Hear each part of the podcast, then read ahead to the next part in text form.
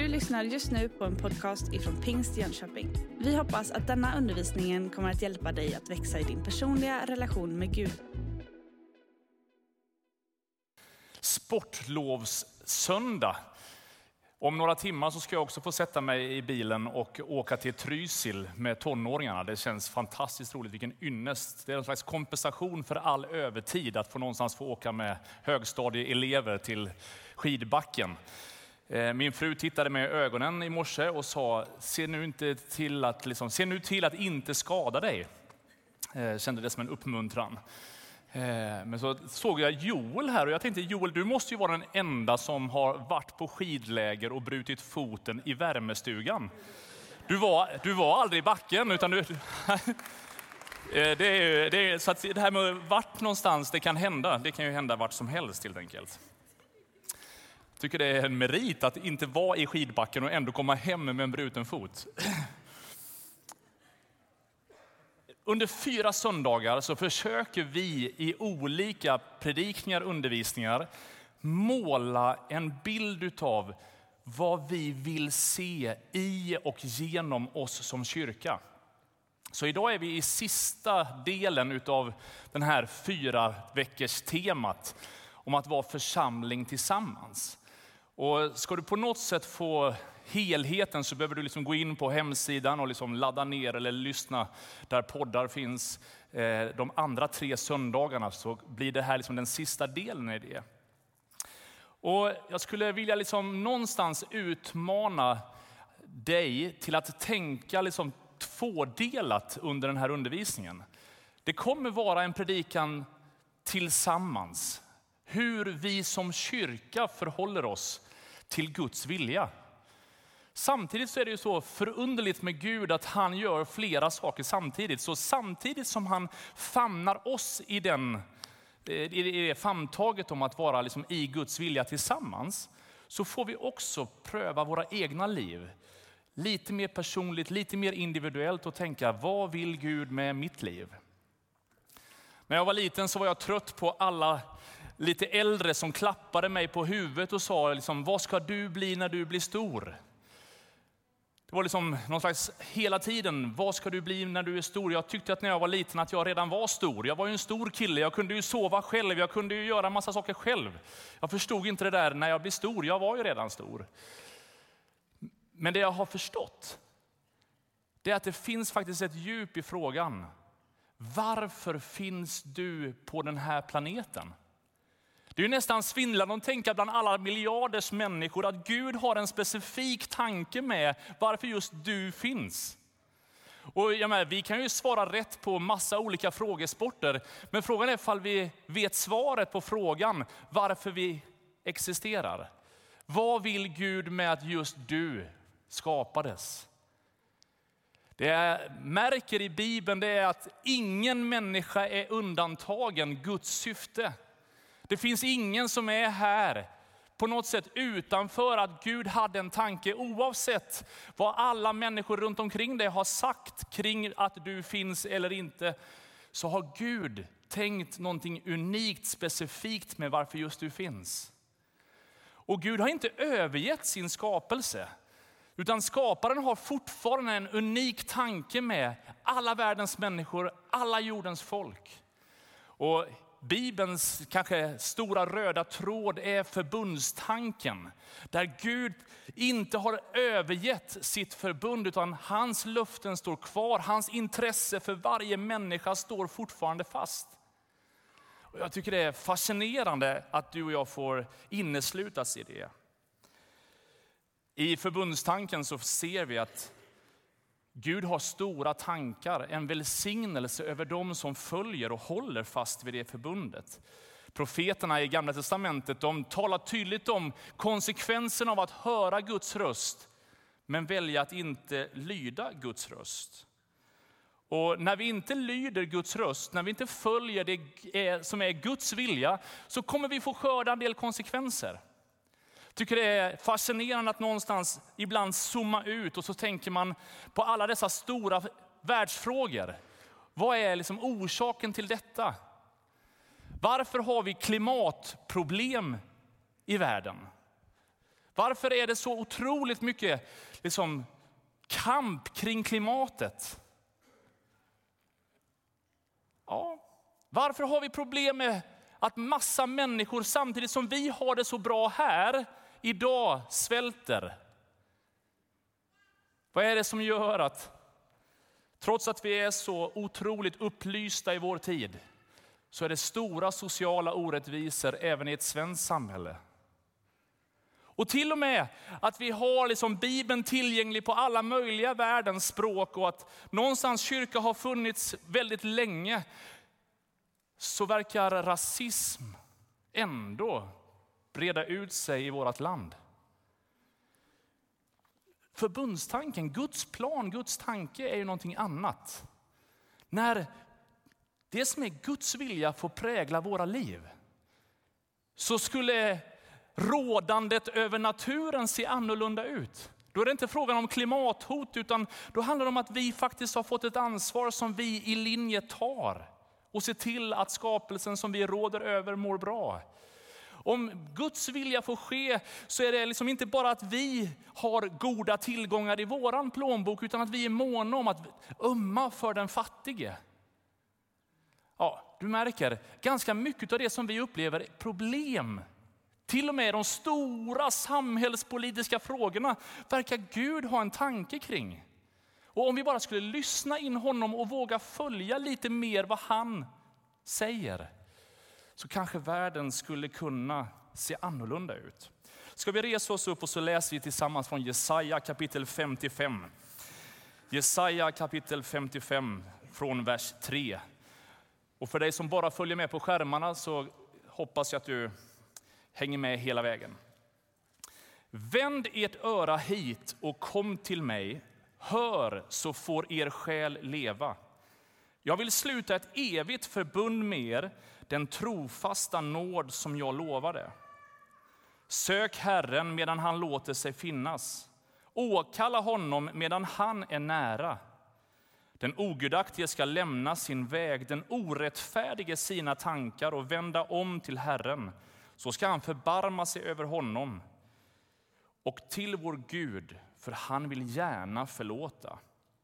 Mina tankar är inte era tankar och era vägar är inte mina vägar, säger Herren. När liksom himlen är högre än jorden så är mina vägar högre än era vägar och mina tankar högre än era tankar. Så ska det vara med ordet som utgår från min mun. Det ska inte komma tillbaka till mig förgäves utan att ha gjort vad jag vill och utfört vad jag har sänt det till. Med glädje ska ni dra ut, i frid ska ni föras fram. Jesus, jag vill be för fortsättningen av vår gudstjänst. Jag ber för varje man, varje kvinna i det här rummet och alla andra som följer via närradio, internet och allt möjligt annat. Tack för din, ditt löfte om att du är nära var och en som närmar sig dig. Var och en som längtar efter att få beröras av dig. Och jag ber dig Herre, fortsätt och låt ditt ord få tala in i våra liv. Herre, vi ber att det som vi idag tar del av från ditt ord, låt det få förändra oss, låt det förvandla oss, låt det få förädla oss. Herre, vi lägger oss själva i dina händer. I Jesu namn. Amen. Varsågod och slå dig ner. Här utmanar profeten om att vända ett öra till Gud, att söka honom. Att inte bara uppfinna hjulet själv, att försöka hitta sin egen väg, utan ödmjuka sig och säga Gud, jag tror att du som skapare har en högre plan och jag vill höra den. Om du är som jag så har du en mobiltelefon som har långt mycket mer tekniska funktioner än vad du och jag använder. Det är, liksom, jag tycker det är fascinerande med tekniska saker, men jag bara inser mer och mer att jag håller på att förlora liksom försprånget till mina barn. Häromdagen satt jag med min 12-åring och så fick hon förklara för mig hur några funktioner funkade som jag kände jag fick inte till det. Och med några snabba knapptryck så gjorde hon och jag bara kände, ja jag ska inte säga vad jag kände.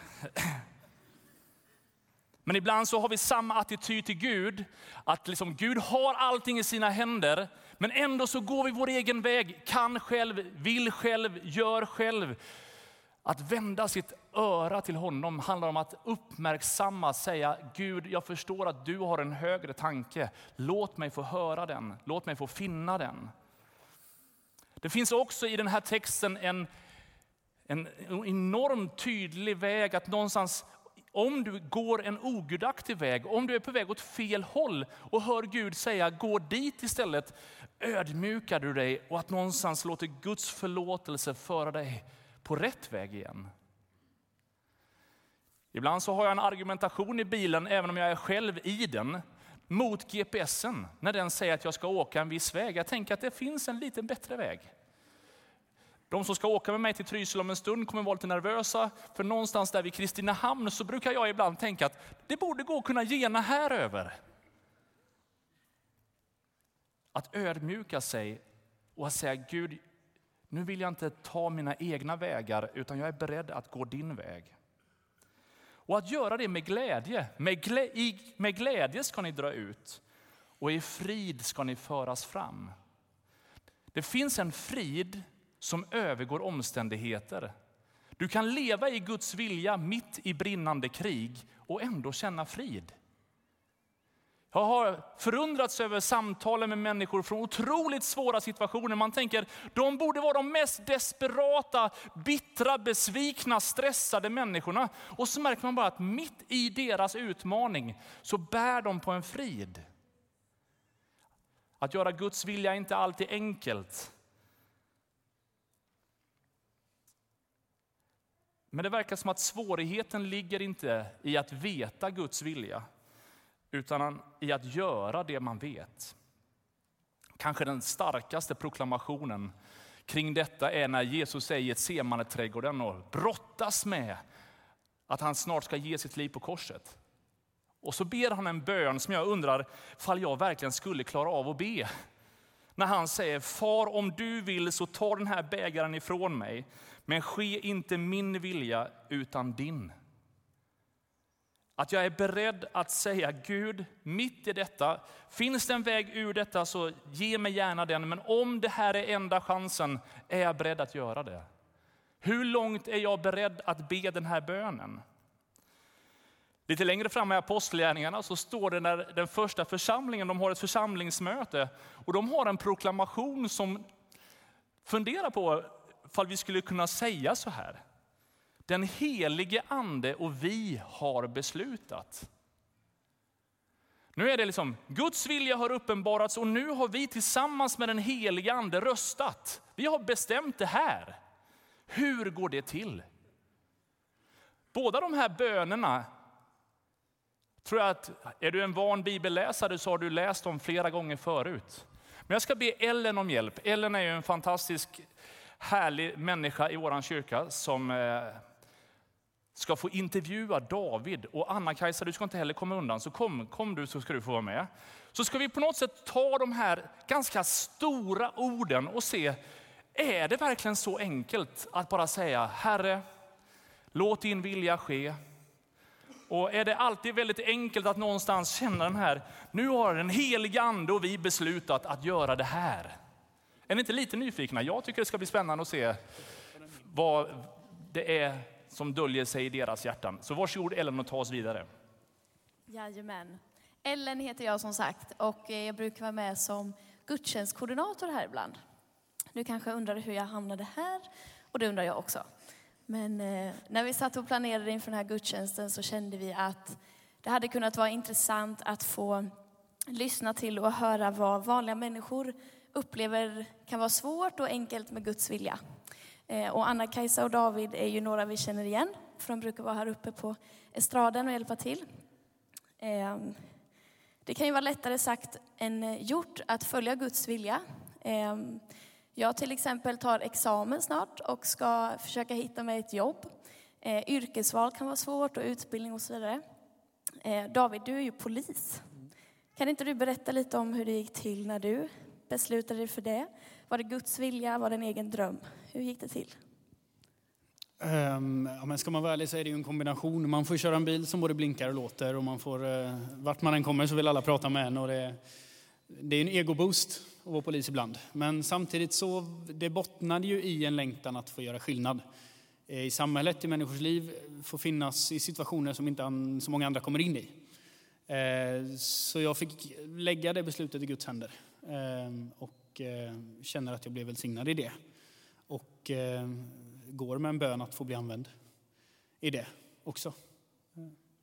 Du säger att du kände att du blev välsignad i det. På vilket sätt tog det sig uttryck? Nej, men jag, med jämna mellanrum har jag tvivlat på om man kan vara polis och kristen samtidigt. Eh, och har fått eh, läst och hört åt båda hållen. Eh, både pastorer som uppmuntrat det och pastorer som har verkligen sagt att polis kan man inte vara och vara kristen samtidigt. Och jag har vacklat lite i det här, är det någonting jag ska göra och fortsätta med? Men så när de här känslorna, tankarna, när det här tvivlet har kommit upp, är det verkligen det här jag ska göra? Så, så skickas jag in i ärenden där, där jag och min tro får göra en skillnad. Eh, det kan handla om att lämna dödsbud där jag på något sätt får förmedla att jag har ett hopp som jag vill dela med mig av. Eh, jag kan hamna i eh, familjebråk som grundas i att ett, en son har bestämt sig för att bli kristen och det har blivit bråk på grund av det här och jag hamnar på hans pojkrum och pratar med honom och får helt plötsligt, men har du ingen bibel? Du måste få en bibel och du måste komma till kyrkan och du får läsa det här och det här och ja, eh, något utanför polisrollen. Men jag känner att Gud sätter mig i situationer där han vill använda det som jag har här inne mer än det som står på uniformen. Eh, och vi har, jag har jättemånga fantastiska poliskollegor som inte är kristna, men jag tror att man som kristen får komma in med ännu en vinkel på människovärdet eh, som jag tror är jätteviktig i den kåren som jag är i. Så att, eh, jag känner mig använd även i mitt jobb och det är fantastiskt. Härligt. Och Anna-Kajsa, du är ju egentligen utbildad lärare från början och bodde i Värnamo och jobbade som pastor i Arken. Men sen flyttade du till Jönköping och tog hela familjen med dig. Eh, och nu pluggar du till pastor, även fast du tidigare har jobbat som det. Hur gick det till? att bryta upp så och besluta sig för att byta riktning? Eh, att bli eh, pastor på något sätt har inte alls varit eh, enkelt för mig. Ehm, jag tror egentligen när jag eh, efter studenten så började, teamade jag i Värnamo, eller jag hade gått folkhögskola och sådär. Och då kände jag att åh vad jag älskar att jobba i församling. Jag tyckte att det var jätte, jätteroligt. Men samtidigt var jag inte där i livet att jag kunde säga att jag vill bli pastor. Eh, för mig var det alldeles för svårt att formulera. Eh, både för min omgivning men framförallt för mig själv.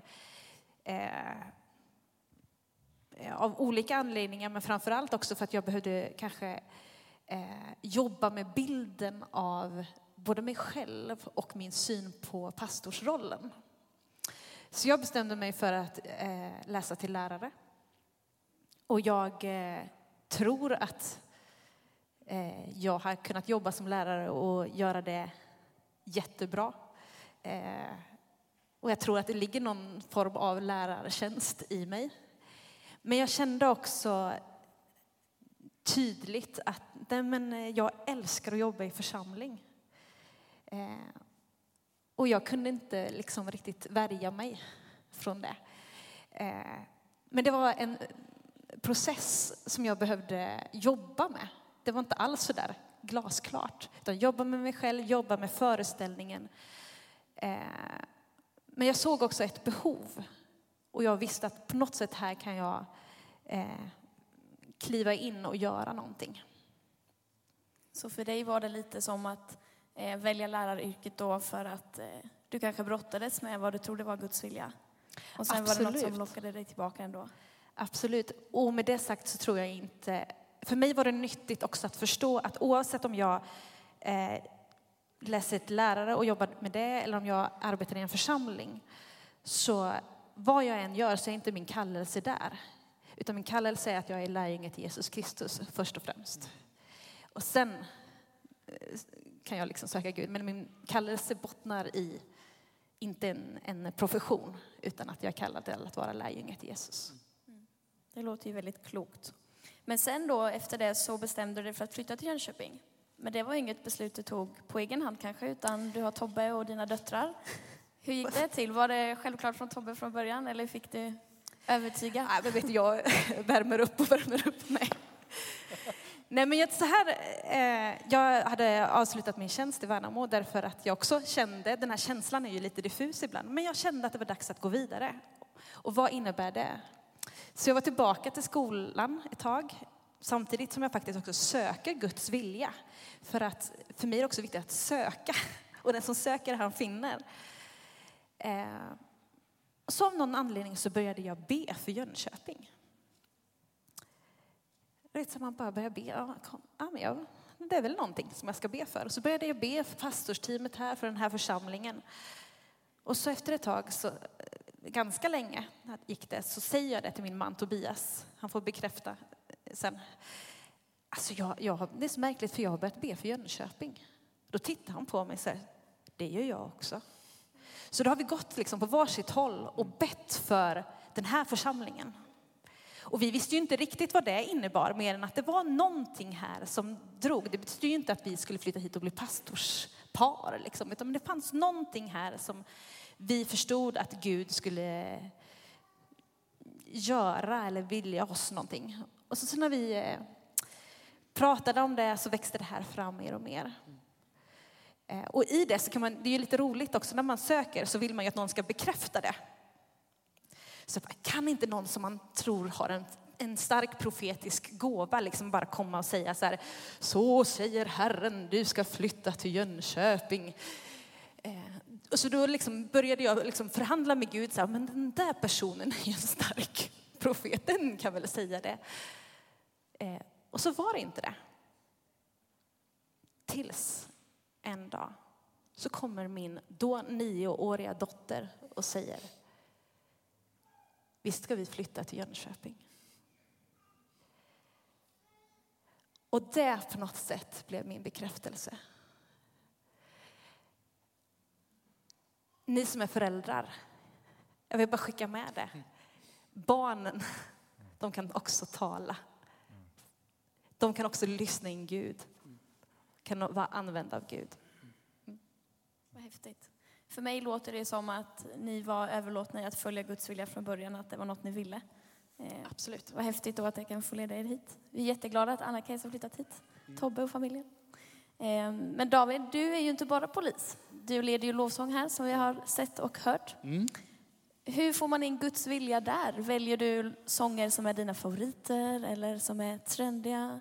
Eller försöker du att lyssna in Gud också i val av lovsånger och hur det praktiskt går till när man leder lovsång. Mm.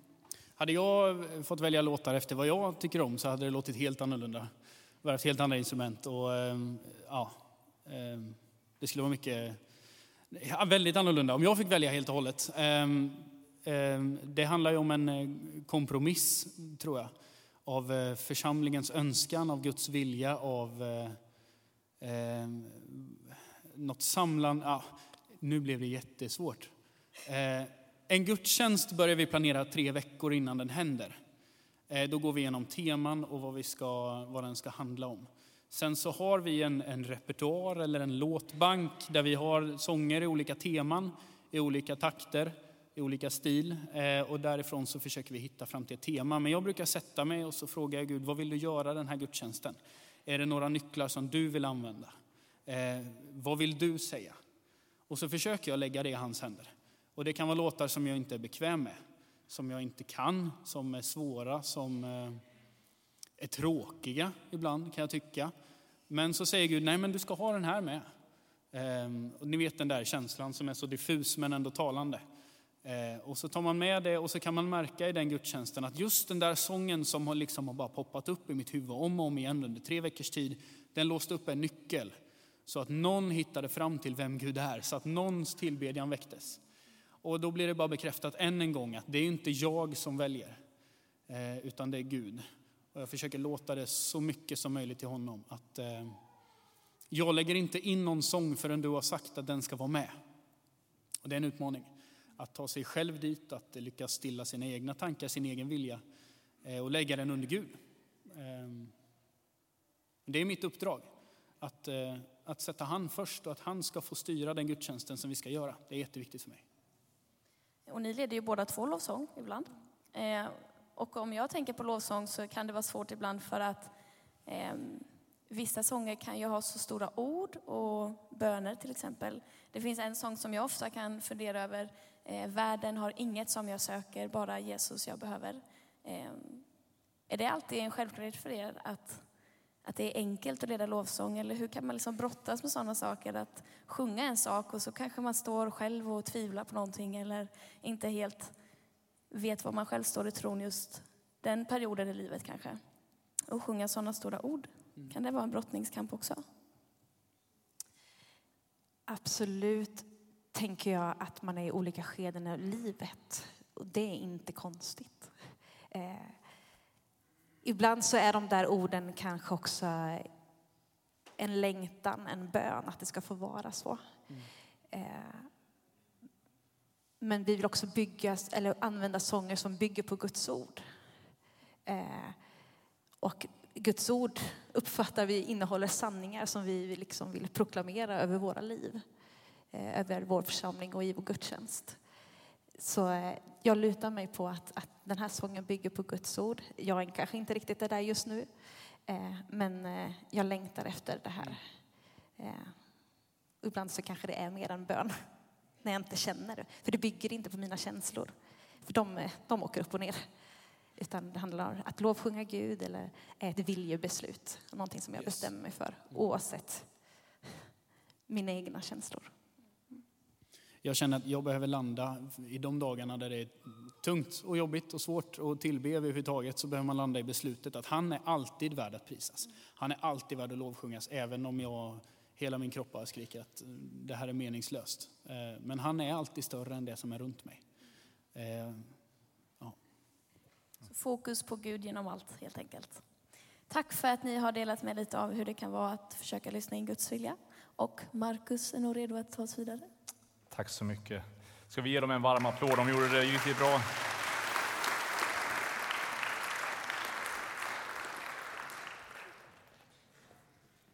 Guds ledning är det där lite diffusa. Men faktum är att Jeremia säger att jag ska leda dem där de går bedjande fram. Jag ska föra dem till vattenbäckar på en jämn väg där de inte stapplar. Det finns någon slags rörelseriktning i den här versen.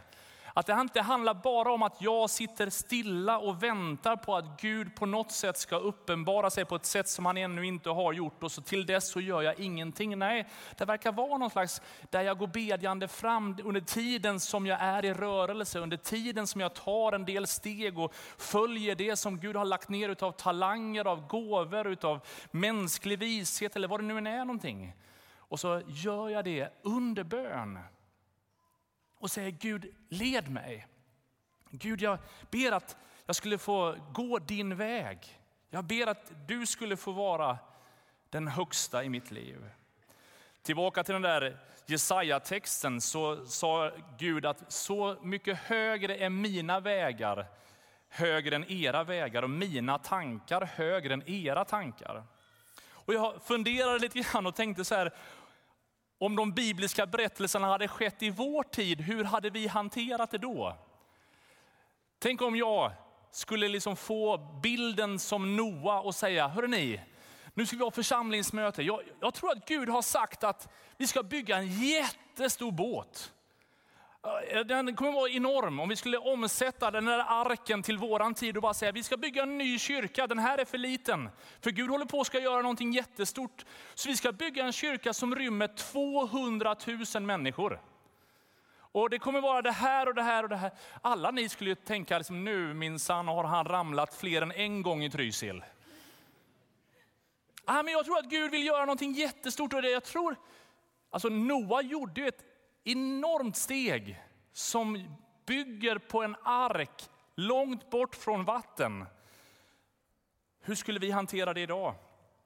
Eller Josua, när de ska inta Jeriko så kommer han på den här briljanta idén. Herren säger till honom, ni ska inte strida alls, ni ska bara gå tysta runt den här muren. Känns som en jättebra krigsstrategi. Nu ska vi inta det här landet och vi ska bara gå helt tyst, tyst runt. Det är en utmaning för en sån som mig att vara tyst, men Det känns inte strategiskt bra. Eller när Mose kommer med, liksom, har tagit folket ut ur Egypten och så närmar de sig Röda havet. Och så står de där inför ett väldigt hav med faraos armé i ryggen. Om vi skulle ha ett församlingsmöte, hur löser vi situationen? Kan vi bygga en bro? Kan vi ha en kommitté som samlar ihop pengar? Kan vi ha en byggkommitté som ritar på en bro? Kan vi ha en kommitté som gör försvarsritningarna? Hur skulle vi ha hanterat Paulus omvändelse? Om det skulle komma en av de högsta IS-krigarna från Syrien som säger att han har mött Jesus på ett konstigt sätt. Mitt under tiden som han förföljde massa kristna i Syrien så mötte han Jesus. Hur många av oss skulle säga, broder i Herren, välkommen. Låt oss skicka dig som missionär över hela världen. Vi supportar dig. Inte alltid så enkelt. De bibliska berättelserna utmanar att någonstans faktiskt säga Gud, låt din vilja ske, låt ditt rike komma. Och att låta det få bli en bön från våra hjärtan. Att inte bara vi ber den personligen, jag vill bli polis eller jag ska vara lärare eller jag ska jobba i församling, utan att vi är ett bedjande folk som församling som säger Gud led våra steg. Det är därför som du behöver lite nu och då se till så att du är med på de gemensamma bönesamlingarna. För att hur ska vi annars kunna bedja ihop oss? Om vi ber var och en för sig, jag är helt övertygad om att alla här inne ber. Det bes jättemycket. Och det är underbart att vi ber, men vi behöver också be tillsammans. Det är därför som vi har sagt att från och med mars månad så utlyser vi en helig bön och fasteperiod som till en början kommer sträcka sig fram till påsk. Och vi har bönesamlingar på morgonen och på kvällen och vi har storbönemöten och allt möjligt. Men framförallt onsdagskvällarna så vill vi att alla som har möjlighet skapar förutsättningar för att komma tillsammans. Att vi inte bara är på olika samlingar utan att vi kommer tillsammans. Att fira gudstjänst på söndagar. Varför är det viktigt? Jo, för det hjälper oss att komma tillsammans och förstå att vi ber för församlingen och vi söker Guds hjärta. Och Gud vill leda oss. Låt din vilja ske. Det finns ju en utmaning mellan demokrati och teokrati. Demokrati där vi kommer överens och bestämmer massa saker och teokrati där vi säger Gud, du får bestämma. Jag är helt så otroligt glad över att vara pingstvän. Alltså, tänk när anden kom i början på 1900-talet, slutet på 1800-talet, så ser man i hela frikyrkan hur, hur andens vind gjorde att man banade väg för demokrati så som vi känner den. Alla kvinnor här inne, ni ska liksom vara tacksamma för att anden kom, annars hade ni nog inte haft rösträtt än. Men det verkar som ju mer anden fick föra folk samman så spelade det ingen roll om man var slav eller fri, om man var man eller kvinna, gammal eller ung. Hela det demokratiska systemet för, liksom, fick liv och kraft. Och jag tror att en transparent, öppen demokrati, det bevarar oss från både att bli en sekt eller bli en diktatur. Och när man liksom nu följer rättegångar från Knutby, när vi ser hur maktfullkomlighet tar över stora delar av afrikanska kyrkor, så känner man Gud bevara oss. Håll din hand över oss. Hjälp oss att hålla liksom demokratin hög, där vi säger att varje man, varje kvinnas röst är viktig. Vi behöver prata ihop oss. Samtidigt som det är sagt så vill vi också ödmjuka oss och säga Gud, det här är inte någons kyrka på det sättet här på jorden. Den tillhör ytterst dig. Vi söker dig. Du vet, det är inte alltid som demokrati är det bästa sättet att liksom lösa det på om det inte är en demokrati som lyssnar från Herren. Du vet, Israels folk, de hade precis varit med om detta fantastiska, kommit ut ur fångenskapen. Mose går upp på berget, får budorden och känner bara wow, wow, himlen är öppen, jag får se Gud på ryggen. Samtidigt så bestämmer sig folket för att tillbe en guldkalv istället. Gud skickar, eller folket bestämmer sig för att skicka tolv spejare, men det är bara två av dem som egentligen tror att det Gud har sagt kommer hända. Och på grund av de andra tio så är det 40 år i öknen. I första Samuelsboken så är det Israels folk som vill ha en kung som alla andra folk har. Man vill inte att Gud ensam ska vara kungen där borta, utan de vill ha en fysisk kung. Och Gud varnar dem, och så bestämmer de ändå för att göra det. Det är därför som det här bedjande fram är så viktigt. Du och jag, jag bara vill kalla dig och mig till att ännu mer leva ett liv i bön. Alldeles snart kommer vi avsluta vår gudstjänst. Vi kommer ha bönestationer här, vi kommer be för människor. Men jag vill också att vi ber som församling. Att vi hittar vad som är Guds vilja och att vi vågar tänka större om vem han är. För om vi skulle mänskligt bara lägga upp strategier så kommer vi komma till en viss gräns. Men hans tankar är högre än våra tankar. Hans planer är större än vad vi ens kan tänka. Om vi ber tillsammans kommer vi få erfara hur han leder. Du vet i Gamla testamentet, Nya testamentets början så singlar man, liksom, drog man lott för att avgöra Guds vilja. Man söker Guds tecken utanför. Men efter pingstdagen så är det tydligt att nu flyttar anden in och så är det den här inre förvissningen. Det är som Anna-Kajsa inte riktigt så här, hur ska jag försöka förklara den här på något sätt lite flummiga känslan på insidan som någonstans bara man lär sig veta, det där är Guds rösten. Ja, ett liv i bön öppnar för anden och då är det inte massa yttre tecken och grejer som vi följer utan det är en inre förvissning av att Gud leder oss där vi går bedjande fram. Ska vi resa oss upp över hela kyrkan? Vi ska gå mot avslutningen av den här gudstjänsten.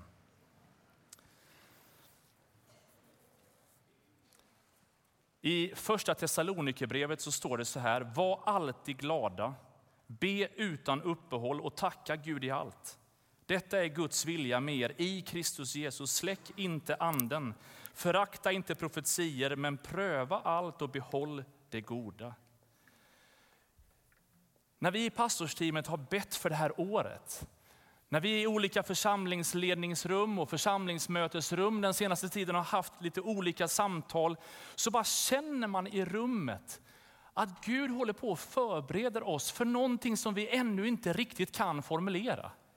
Det handlar inte om en dold agenda där vi försöker någonstans göra någonting som inte någon vet om. Det är bara en ödmjukhet inför Gud att vi märker att han har någonting större i beredskap.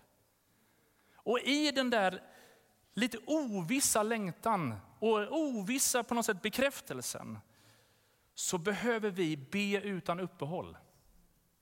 Vi behöver vara bedjande. Och ibland ödmjukhet inför att det inte är allt som sägs som kommer vara helt hundraprocentigt rätt. Men vi får pröva allt och så behåller vi det goda. Ödmjuka oss inför att Gud kommer leda oss i detta. Ett bra sätt att pröva fall det är från Gud, det är om det vi säger stämmer med Guds ordet så har det liksom klarat en stor kvalifikation. Gud kommer aldrig säga emot det som redan är skrivet. Men du kan också pröva om det är anden genom andens frukter i Galaterbrevet 5. Om en person säger någonting till dig, men du upplever inte att kärlek strömmar över dig, du upplever inte att frid strömmar över dig, du upplever inte att vänlighet, godhet, tål... Ja, då kommer du också kunna känna att ah, men det här är nog inte ett andetag från Gud i vilket fall. För andens frukt, andens andetag kommer alltid präglas utav det. Och ett tredje kriterium för att veta om det är med Gud eller inte, det är ifall det ärar Jesus. Kommer Kristus bli förhärligad i detta? Eller är det människors plattform som blir större? Men om Guds ordet bekräftar det, om andens frukt präglar det och i allt så blir det så tydligt att det är inte människor som kan ta åt sig ära, utan det är så stort, det är så mäktigt så det alla kommer bara i en förundran säga Gud, det är bara du som kan göra sånt här. Häromdagen så satt vi några stycken på mitt rum på kontoret och så berättade jag några berättelser som just nu händer i vår kyrka genom vårt sociala arbete och genom Alfa. Och det slutade med att alla vi som satt där hade tårar på kinderna och vi bara grät och kände att det här är otroligt. För det var så uppenbart att det Gud gör överträffar våra tankar, våra planer. Och jag skulle önska att vi nu utgjuter våra hjärtan. Vi ska ta typ en minut innan vi sen ska ge chansen för lite förbön. Men någon minuts gemensam bön där vi fyller det här rummet med våran bön. Är du ovan vid att be så vill jag bara uppmuntra dig att slappna av. Det är inget magiskt, det är inget konstigt, utan det är vår, vi, tänk att vi får uttrycka våra önskningar inför Gud. Och bara höj din röst där du står och så fyller vi det här rummet en liten stund med våra böner för våran församling. Vi ska be att Guds ordet från Jeremia får bli sant, att han ska leda oss där vi går bedjande fram. Vi är inte ensamma, vi är inte utlämnade till oss själva. Vi får gå i hans kraft. Han kommer att leda oss. Jesus, jag ber dig nu för hela vår församling. Herre, jag vill be att ditt ord skulle få prägla oss. Att det som är din röst ska få vara den starkaste rösten i våra liv. Herre, vi ber dig Herre att det som är din vilja skulle bli ännu mer våran vilja Herre. Ber att det som är ditt rike skulle få prägla riket här på jorden Gud. Jag ber dig Gud om att det som är ditt hjärtslag för våran tid Herre, att det skulle få ännu mer prägla våra prioriteringar Jesus. Herre, jag vill be för Jönköping, jag ber för alla tusentals människor som bor här, som inte vet vem du är. Herre, jag vill be att det här året året så skulle många människor få tag på vem du är. Och Herre, jag ber att de som har lärt känna dig lite grann skulle få lära känna dig ännu mer.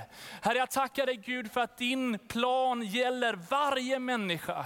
Och du vill uppenbara det för oss Herre. Du vill tala ut det över våra liv så att vi frimodigt kan tjäna dig, ära dig med de talanger och de gåvor och funktioner och på de platser du har ställt oss Gud. Herre, jag ber om en större medvetenhet vet när vi går till jobbet imorgon, när vi går, liksom, besöker våra grannar eller står i, i snabbmatskön. Herre, jag bara ber dig Gud, låt oss få leva med ett öra till himlen och ett öra till de människor vi har runt omkring oss Gud. Låt oss få vara dina ambassadörer. Och jag ber att den bön och fasteperiod som vi strax går in i skulle få uppenbara ännu mer det andliga livet, närvaron utav dig Herre. Gud, jag ber dig för varje man, varje kvinna i vår församling, Herre. Jag bara ber att du skulle tala, att du skulle beröra och att det som är på ditt hjärta skulle få ännu mer lysa in med hopp och kraft i våra liv, Gud. Herre, vi ber dig. Herre, vi ber dig. Herre, kom och fyll detta rum med din härlighet. Vi längtar efter mer av din närvaro, Gud. Herre, ju mer vi hör dig, ju större blir vår tro på det som du vill göra, Herre. Gud, ju mer vi ser dig tydligt, ju mer väcks passionen över vem du är, Herre. Gud, Herre, vi ber dig. Herre, vi ber dig. Jesus, vi ber dig. Åh, vi ber dig. Herre, vi ber dig. Herre, vi ber dig. Åh, Gud, Gud, Gud. Herre, vi ber dig. Vi fortsätter vara i bön över hela kyrkan, men jag vill bara be en enkel bön för dig som finns i det här rummet som livet har gjort någonting med dig så att du tror, du bär på en ryggsäck som känns som att du, du inte riktigt har det som krävs. Du, du skäms över någonting i ditt liv som inte blev riktigt så som det, och nu, nu känns det som att du på något sätt ja, får vara lite grann i det fördolda. Men att, att Gud, Gud vill verkligen bara uppmuntra dig och säga att det finns ingen fördömelse för den som är i Kristus Jesus. Det som förr var är nu borta. Du kan få bli förlåten, du kan få en ny chans, du kan avslöja alla dessa liksom, negativa tankar och börja tänka goda tankar, framtid och ett hopp om framtiden. Så medan alla andra bara blundar och ber för sitt eget liv så vill jag fråga, vart finns du som känner det där är jag? Och jag, jag skulle behöva återerövra någonting som jag har förlorat. Jag skulle vilja liksom bli av med den här tunga ryggsäcken och mer fritt tjäna.